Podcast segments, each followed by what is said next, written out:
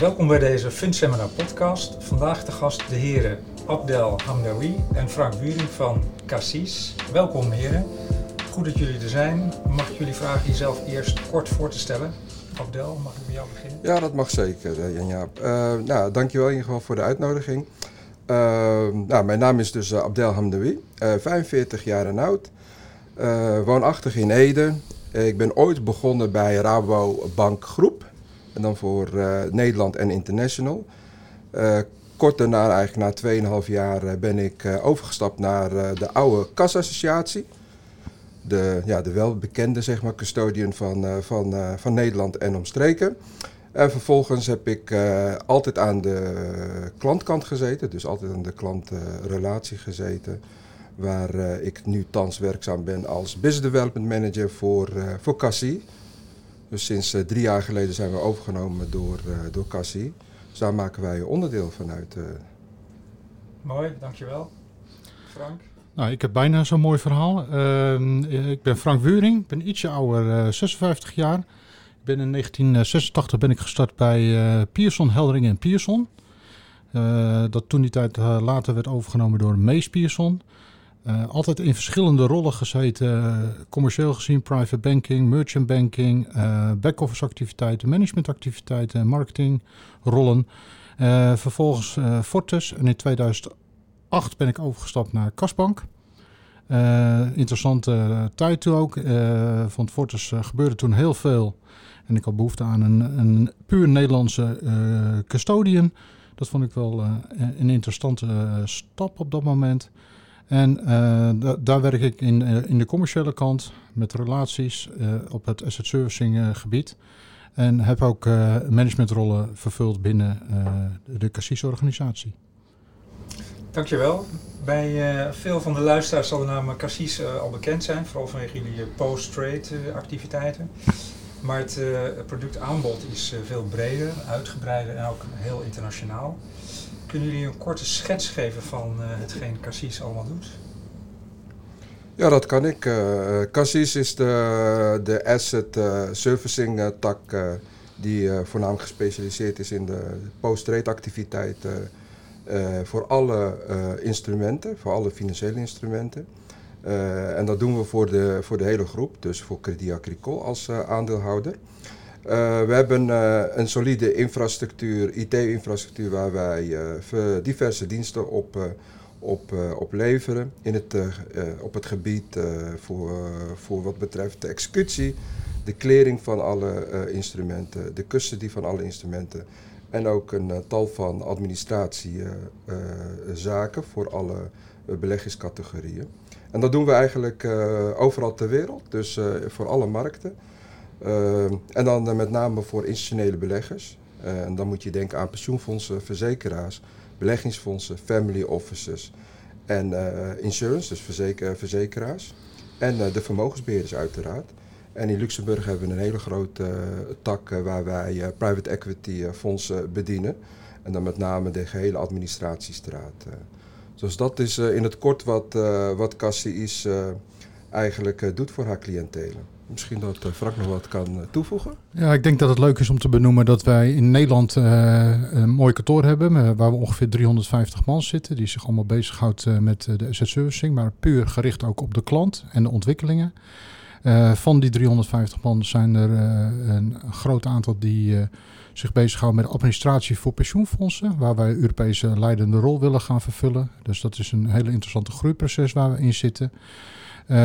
Verder hebben we de, de, Nederlandse markt als ons aandachtsgebied, waar we de leidende speler willen zijn voor alle financiële instituten in Nederland, de professionele markt.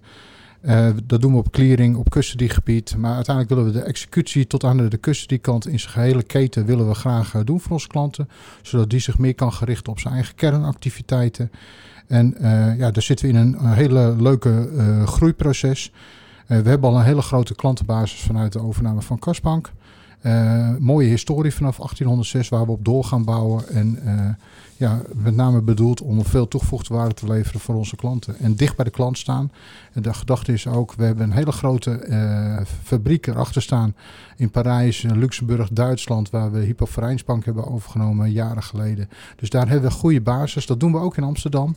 Maar we willen die, die schaalvoordeel die we hebben als grote partij, juist vanuit Nederland, dicht bij de klant, echte toegevoegde waarde gaan leveren en de klant centraal zetten. Dus uh, uh, ja, het populair gezegd, ons zorg voor de klant is een van onze motto's die we graag willen doen.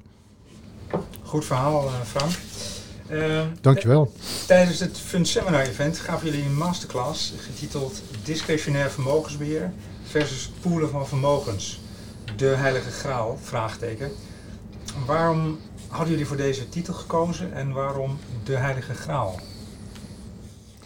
Nou, daar hebben we natuurlijk uh, uiteraard uh, best uh, lang over nagedacht. Hè. We willen, we willen natuurlijk de, de, de deelnemers prikkelen voor wat betreft het poelen van vermogens. in de loop der tijd hebben we natuurlijk veel partijen gezien die aan het bedenken waren van, joh, wat wordt mijn toekomstige verdienmodel? Nou, daar waren natuurlijk tal van, van ideeën daarover. Wij als professionele dienstverlening verlener hebben altijd uh, eigenlijk in een soort van partnership met onze relaties uh, aan tafel gezeten om na te denken van, uh, joh, waar gaat de markt naartoe, wat zien wij als, als specialist.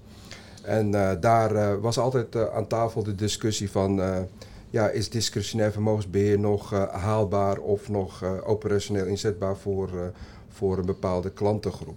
Nou, we zagen daar een tendens ontstaan die, die zich bewoog naar het poelen van vermogens. Uh, maar goed, zo'n traject heb je niet zomaar ingezet. er zijn toch best wat, wat, wat struggles, wat eisen wat vanuit de wet en regelgeving op je afkomt. En dat zijn denk ik wel hele belangrijke vraagstukken die je moet beantwoorden alvorens je zou kiezen voor het een of het ander, of een combinatie. Dus de titel was meer ingezet als een, als een, ja, als een prikkel om eigenlijk met alle deelnemers tijdens de fundseminar om daarvan gedachten te wisselen. En dat is ons redelijk goed gelukt. Er zijn hele leuke inzichten zijn vanuit, de, vanuit de deelnemers gekomen. En ja, als ik daar wat mag toevoegen, de prikkel is ook ontstaan door gesprekken die we hebben met onze klanten en relaties en de prospects in de markt. En je ziet gewoon, uh, men is aan het, aan het worstelen met, met hoe overleef ik deze periode. Uh, er zit druk vanuit de eindklant, er zit druk vanuit de toezichthouder die dan eisen stelt. Je bent op zoek naar onderscheidend vermogen ten opzichte van je concurrenten. Je hebt een consolidatieslag. Je, ja, je zit echt met hoe kan ik zorgen dat ik mijn bedrijf staande houd, dat ik echt waarde blijf toevoegen voor mijn eindklant. Het wordt steeds lastiger.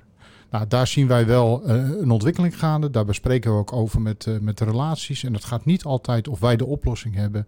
Het gaat er uiteindelijk om dat je probeert te helpen dat iedereen in zijn kracht wordt gebruikt.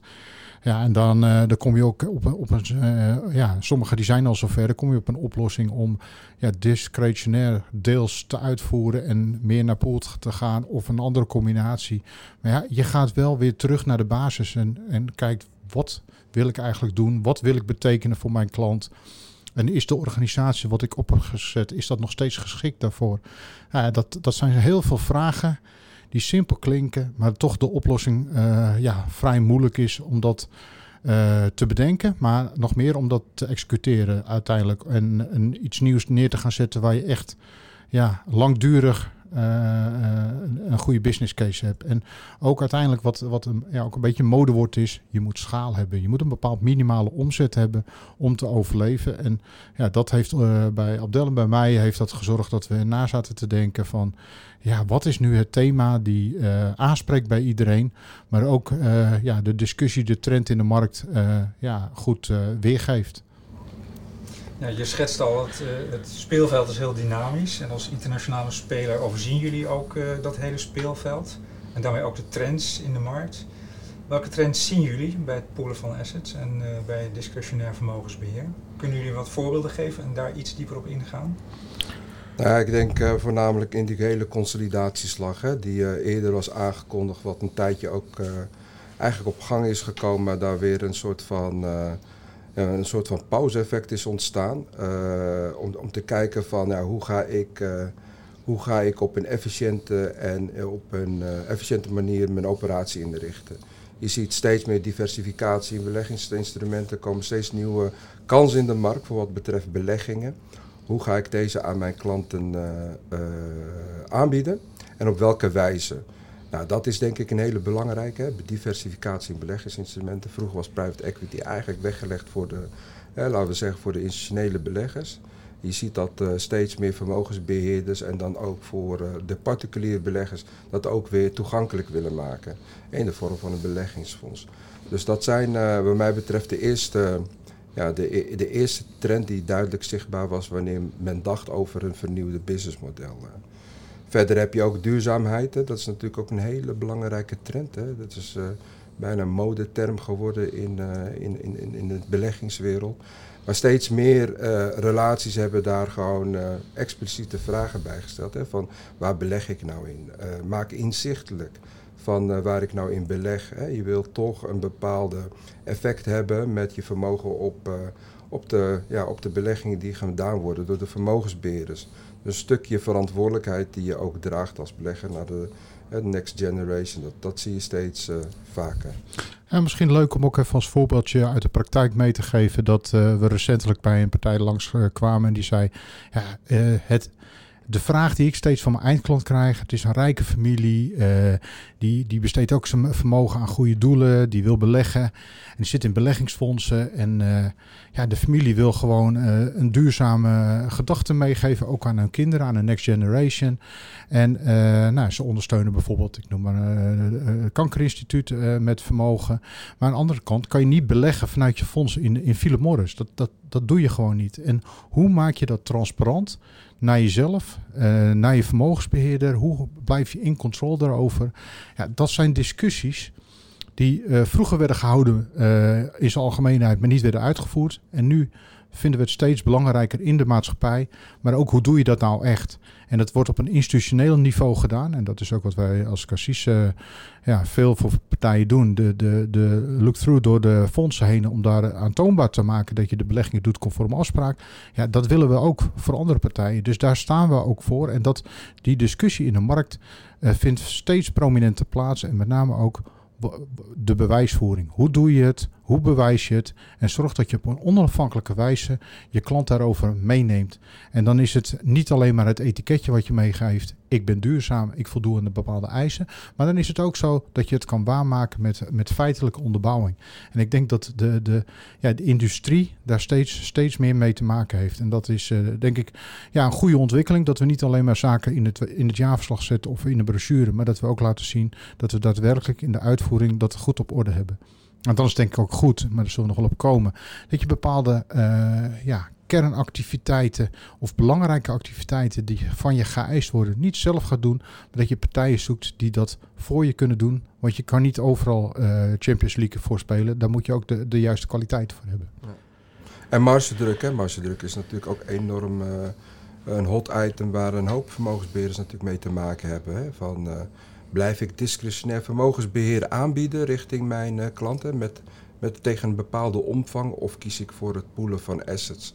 je ziet dat, uh, dat je vaak vanuit, uh, vanuit het verleden een bepaalde klantengroep hebt bediend. Maar ja, die krijgen natuurlijk ook ki kinderen of introducees vanuit de familie. Waardoor je wellicht te maken hebt met kleinere vermogens. Ja, daar is discretionair vermogensbeheer bijna niet meer op uit te voeren. Nou, dan is het poelen van assets wellicht uh, wel een, uh, een uitkomst. Dus dat zijn zaken welke vaker terugkomen in de gesprekken die wij zien en welke wij waarnemen in het speelveld. Eh. Ja, en als trend daarboven zie je natuurlijk de, de, algehele digitalisering, waar de hele maatschappij mee te maken heeft.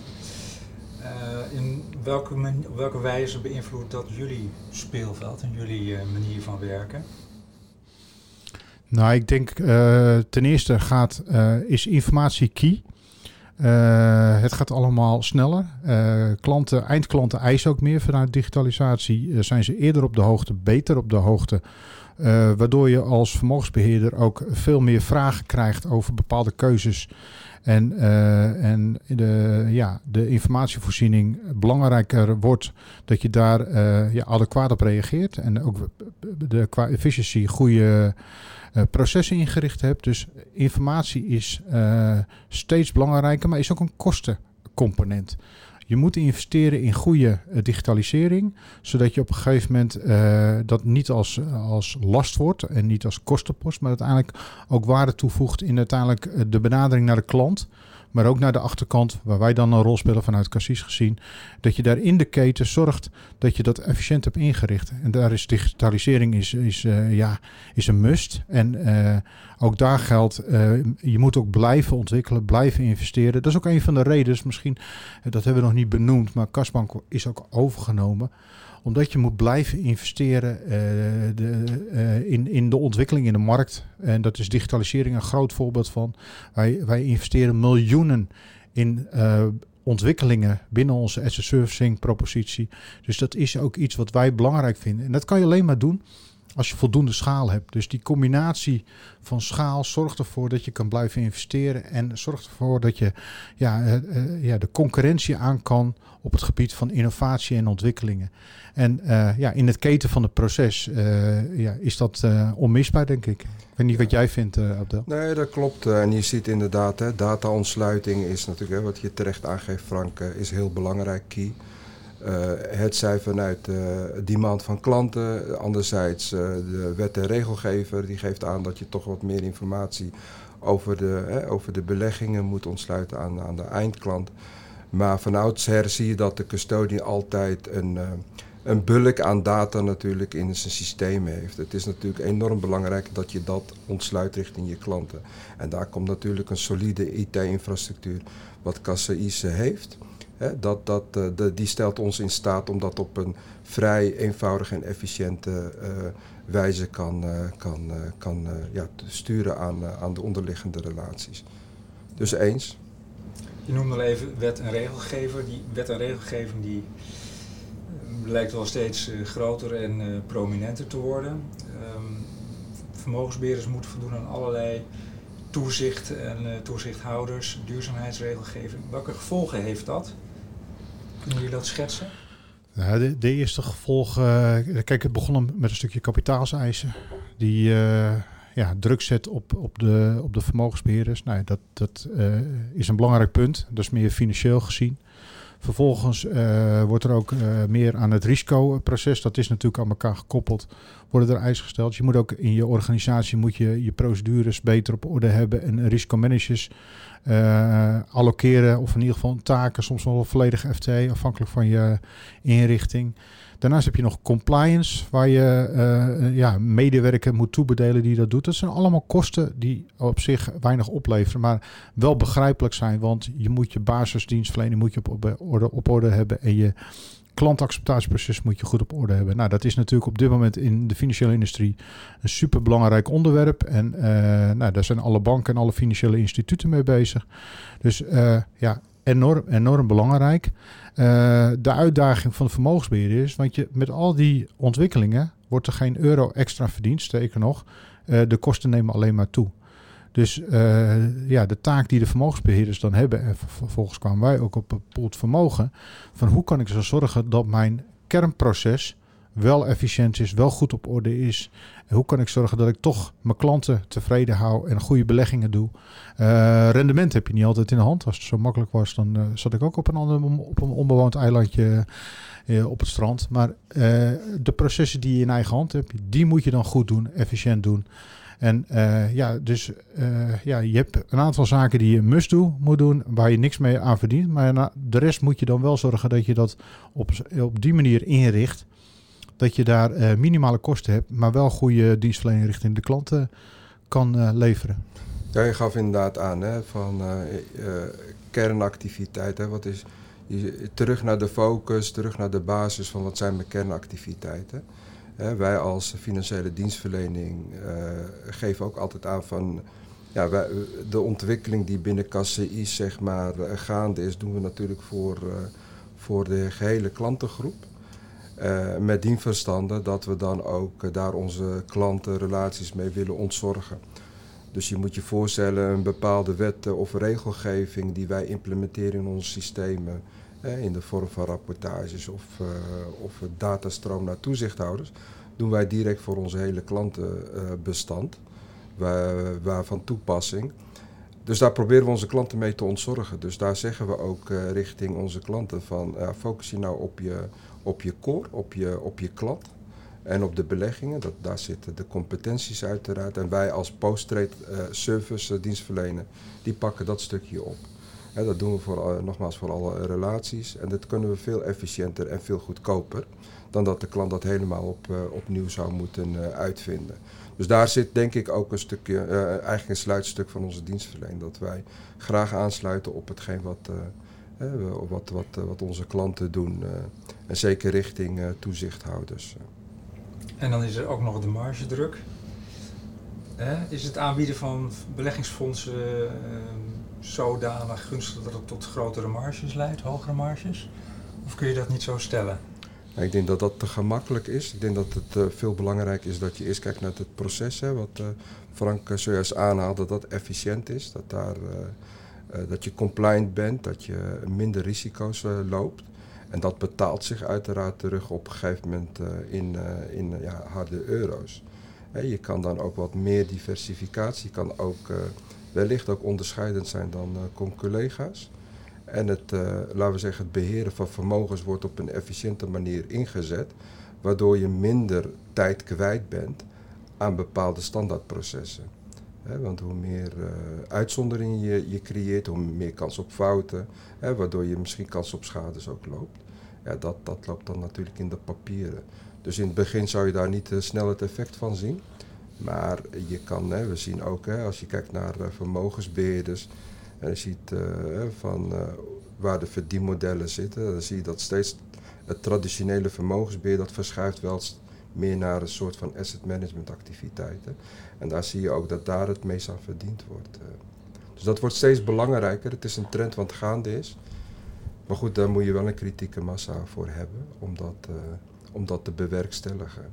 Want laatst stond er een mooi artikel in de Investment Office over het aanvragen van een van een IFMD-license, ja, dat, dat, dat gaat toch behoorlijk in de papier lopen. Dan moet je toch een behoorlijke business case hebben om dat op te zetten.